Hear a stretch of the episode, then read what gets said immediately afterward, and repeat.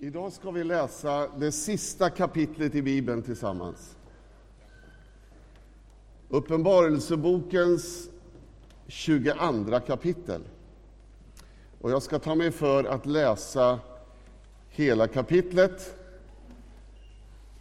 Och jag påminns om att min fru alltid säger du läser för fort, så jag ska försöka läsa lagom fort. Uppenbarelseboken 22. Och han visade mig en flod med livets vatten, klar som kristall, som rann från Guds och Lammets tron. Mitt på den stora gatan med floden på ömse sidor stod livets träd, som bär frukt tolv gånger om året och ger sin skörd varje månad. Och trädets blad är läkemedel för folken. Och ingen förbannelse ska finnas mer. Guds och Lammets tron ska stå i staden och hans tjänare ska tjäna honom. De ska se hans ansikte och de ska bära hans namn på sin panna. Och det ska inte mer bli natt och ingen behöver längre ljus från någon lampa eller solens ljus, ty Herren Gud ska lysa över dem och det ska vara kungar i evigheters evighet. Och han sa till mig, dessa ord är trovärdiga och sanna. Herren, som är en Gud för profeternas andar, har sänt sin ängel för att visa sin tjänare vad som snart ska ske. Se, jag kommer snart. Salig den som tar vara på profetens ord i denna bok. Ja, Johannes är den som har hört och sett detta och när han hade hört och sett det föll jag ner för att tillbe ängeln som hade visat det för mig. Men han sa till mig, nej, inte så. Jag är Guds tjänare som du och dina bröder profeterna och alla de som tar vara på orden i denna bok. Gud skall du tillbe. Och han sa till mig, försegla inte orden i denna boks profetior, till stunden är nära.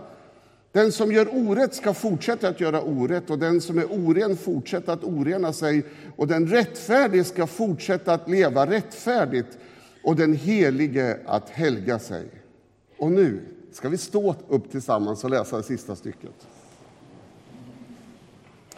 Se, jag kommer snart och har med mig lön att ge åt var och en efter hans gärningar. Jag är A och O, den förste och den siste, början och slutet. Saliga de som tvättar sina kläder rena. De ska få tillgång till livets träd och få gå in i staden genom dess portar. Men utanför är hundarna och trollkarlarna och horkarlarna och mördarna och avgudadyrkarna och alla som älskar lögnen och lever i den.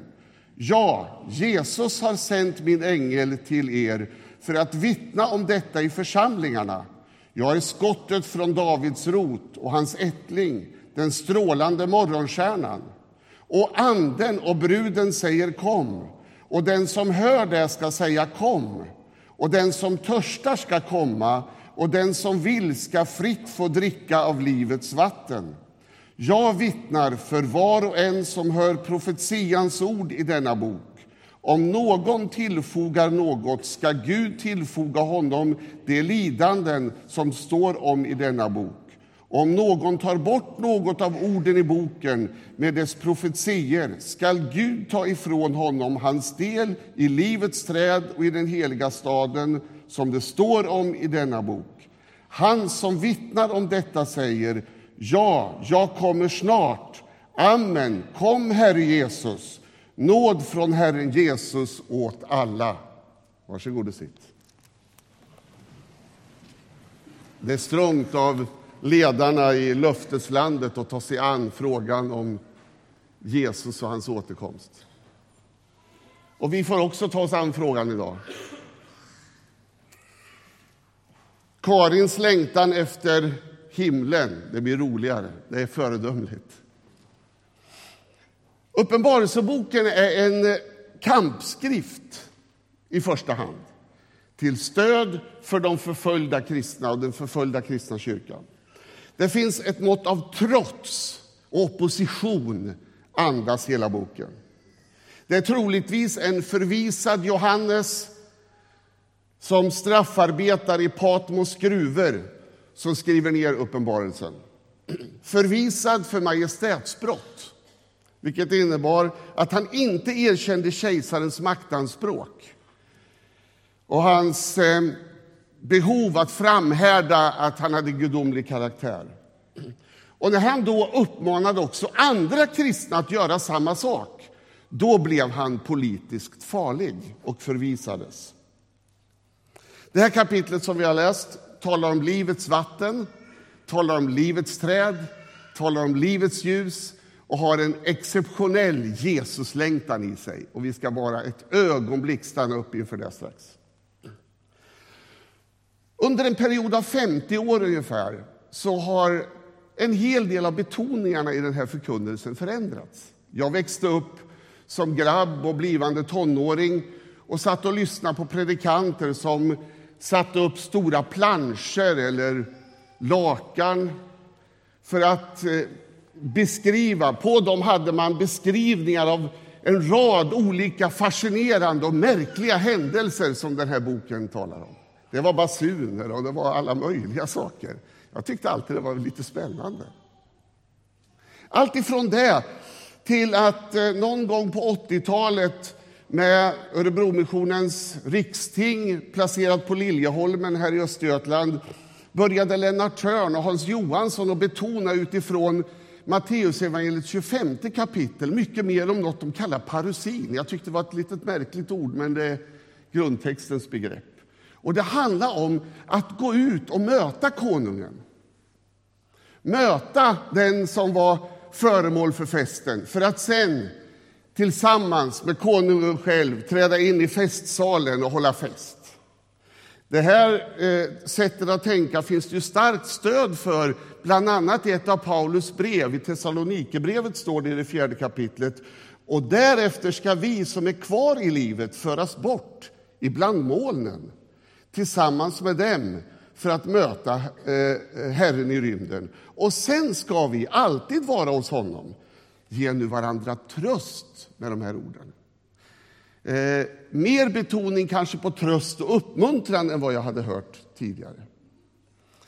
Och om vi ibland, vi som har varit med i kyrka, frikyrka i rätt så många år, eh, antyder att eh, förkunnelsen historiskt ibland väckte främlingskap för världen så skulle jag vilja påstå att idag finns risken att vi läser Uppenbarelseboken så lite att vi får främlingskap för himlen.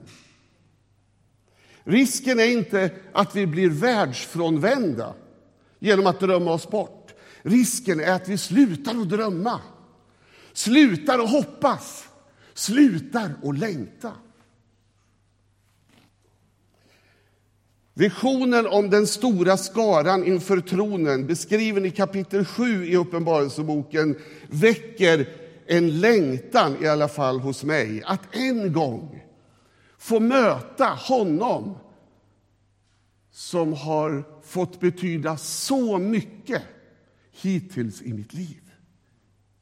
Bara tanken att möta honom ansikte mot ansikte, det får min tanke att svindla. Och I en kort predikan den här härliga familjesöndagen kan jag bara konstatera tillsammans med dem som står och förunderligt och också troligtvis ganska förvirrat funderar, beskriven i Apostlagärningarnas första kapitel där det står medan de såg mot himlen dit han steg upp stod plötsligt två män vita kläder bredvid dem och sa Galileer. Varför står ni och ser mot himlen? Den är Jesus som har blivit upptagen från er till himlen ska komma tillbaka just så som ni har sett honom fara upp till himlen. Vi konstaterar han kommer tillbaka. Det här kapitlet, som jag antydde inledningsvis, säger några viktiga saker om vad som händer när Jesus upprättar allt. Det första, livets vatten klart som kristall. Vilken härlig formulering klart som kristall. Jesus talar med den samariska kvinnan om livets vatten.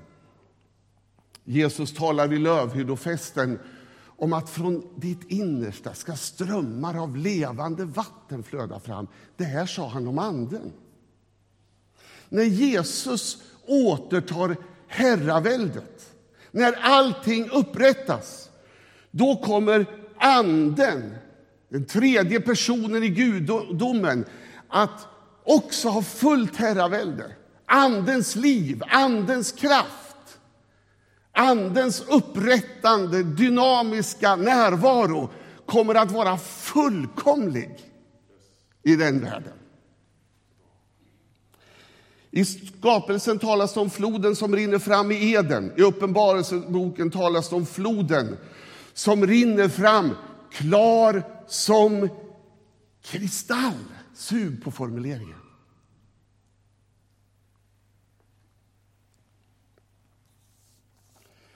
Det andra det här kapitlet talar om det är livets träd som ger tolvfaldig skörd och läkedom och som om intet gör all förbannelse. Vid syndafallet, berättar inledningen av Bibeln, så drabbades också hela skapelsen av förbannelse. Människan skulle arbeta och kämpa. Kvinnan skulle föda med smärta och hela skapelsen suckar och längtan. Det finns ett betryck på något vis över alltihop. Och det här möter vi också i vardagen genom enskilda människors lidande och vånda och kamp. Trots allt det goda vi får vara med om så finns det en, en, en smak, en bismak ofta. Det är ett betryck. Bibeln kallar det en förbannelse. När Jesus återtar herraväldet och kommer tillbaka, vet ni, då ska församlingen, de som redan nu bekänner sig till Jesus Kristus, fira som bara den. Tolvfaldigt, står det. Tolvfaldig skörd. Tolv talar om församlingens tal. Det är församlingen som mer än någon annan, jag tror många kommer att hänga på liksom och jubla och bara farten. Men, men församlingen kommer att fira, församlingen kommer att festa. Församlingen, mer än någon annan, kommer att uppleva att helandet brakar loss, förbannelsen ger vika och skapelsen, hela skapelsen liksom reser sig när Jesus återtar herraväldet. Det tredje som vi läser om det är att det behövs ingen lampa. Solens ljus behöver inte finnas längre därför att Gud själv ska lysa över dem. Alltså det är livets ljus, inget mörker, inga skuggor. Johannesprologen, inledningen av Johannes evangeliet ger oss en försmak när det står och ljuset lyser i mörkret och mörkret har inte övervunnit det. När Jesus återtar herraväldet så behövs det inte längre någon särskild lampa. Det behövs inget ljus. Vet du? Det behövs ingen särskild vila eller tid för återhämtning, för Gud själv ska lysa över dem. Hela tillvaron kommer att kännetecknas av återhämtning och vila, ljuvlighet och ljus. Wow! Och det fjärde som jag ser i det här kapitlet det är att det finns en sån intensiv Jesuslängtan i avslutningen av hela Bibeln. En sån intensiv Jesuslängtan. Och anden och bruden säger kom, och den som hör det ska säga kom, och den som törstar ska komma, och den som vill ska fritt få dricka av livets vatten. Det finns en samstämmighet mellan bruden och anden.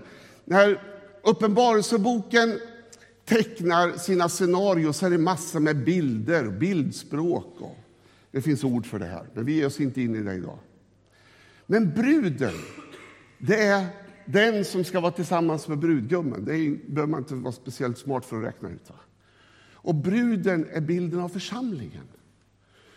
I församlingen finns det ett rop och ett kom. Och anden säger kom. Alltså, Gud själv säger kom. Anden är ju en del av gudomen. Och Gud själv säger kom och församlingen säger kom och det finns en genklang. Det är som ett eko, fram och åter, fram och åter. Kom, Herre Jesus. Tillsammans ropar och längtar vi efter att Jesus ska återupprätta och återkomma. Men den här texten ger oss också en aning om att det som en gång ska ske fullkomligt kan få ske i en människas liv redan nu. Kom, Herre Jesus. Kom, Herre Jesus. Du kan få nåden att dricka en försmak av det som en gång ska braka loss. Du vet, det blir inget stillsamt, litet allmänt sål bara när Jesus kommer tillbaka. Jag tror det brakar loss. Saker som har varit i vägen för oss i livet, ting som har hållit oss tillbaka, sånt som har sargat oss, som har gjort oss ledsna. Det bara ger sig iväg. Det brakar loss. Och vet du, redan nu kan du få erfara en försmak av det här. Det är fantastiskt. Kom, Herre Jesus. Därför att Uppenbarelseboken är en bok framför allt om tillbedjan. Och Johannes han, han skissar inte frågan om vi tillber, utan vem vi tillber. Det är inte fråga om om, utan vad och vem. Det handlar om att antingen tillbe Gud och lammet eller draken och odjuret. Att tillbe den levande guden eller den romerske kejsaren. Och i Johannes värld, i Johannes referensram, finns det inte ett både och. Det är bara ett antingen eller. Och han utmanar mig som bibelläsare igen och igen. Han vill få mig att säga mitt fulla ja, mitt fulla kom till Jesus och Lammet.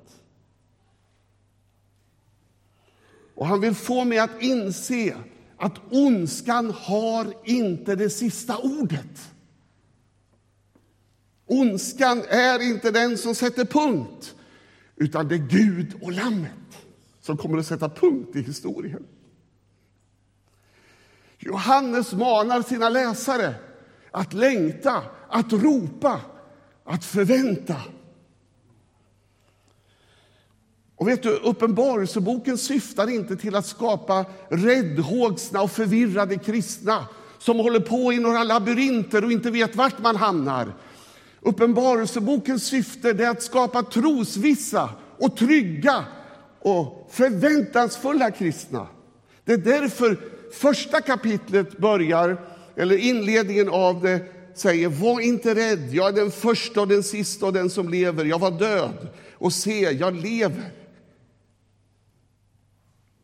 I evigheters evigheter.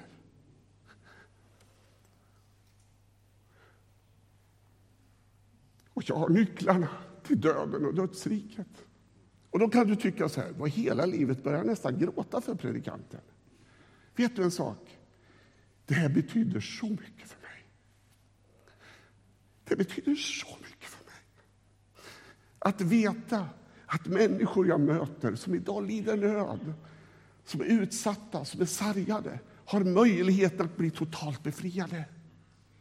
Även om det inte sker här och nu, så vet jag att det kommer en dag då Jesus ska återta det totala herraväldet. Och det känner jag att jag vill proklamera inför dig idag. Bibelns budskap om en evighetslängtan, en längtan efter Jesu återkomst, är tänkt att börja redan nu. Evigheten kan börja i ditt och mitt liv redan idag, i den här gudstjänsten. Och den evighetslängtan som tänds i dig kommer att leda dig till det personliga mötet med honom.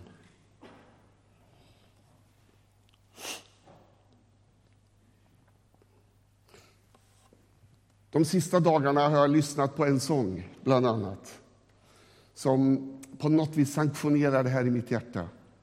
Andrew Crouch, som är välkänd i kristenheten över hela vår värld, dog för mindre än ett år sedan senare delen av sitt liv så skrev han en sång som heter Let the church say amen. Let the church say amen. God has spoken. Let the church say amen. Det är en mäktig sång. Låt församlingen säga amen. Gud har talat. Och är det någonting jag är övertygad om så är det att Uppenbarelsebokens 22 kapitel är ett tilltal från Gud. Och när församlingen säger ja, amen, kom Herre Jesus, så finns det ett samspel med Guds längtan. Och låt mig få understryka, redan nu, redan i den här gudstjänsten så kan din Jesus-längtan få väckas mer än någon gång förut. Ska vi be tillsammans? Herre, jag tackar dig för din kärlek till oss som människor. Jag tackar dig för att du vill väcka tro och längtan och liv i överflöd. Herre, du vet vänner som finns i den här gudstjänsten som lider nöd och som har en tuff brottningskamp. Jag ber att du ska komma till dem just nu. Och jag ber att du ska väcka den här intensiva längtan efter dig själv som ger oss kraft att också leva nu, men också väcker hoppet om det fullkomliga en gång. Herre, du är mäktig att möta oss. Du är mäktig att upprätta oss. Du är mäktig att föda den här djupa längtan i våra liv. Jag tackar dig för det. I Jesu namn. Amen.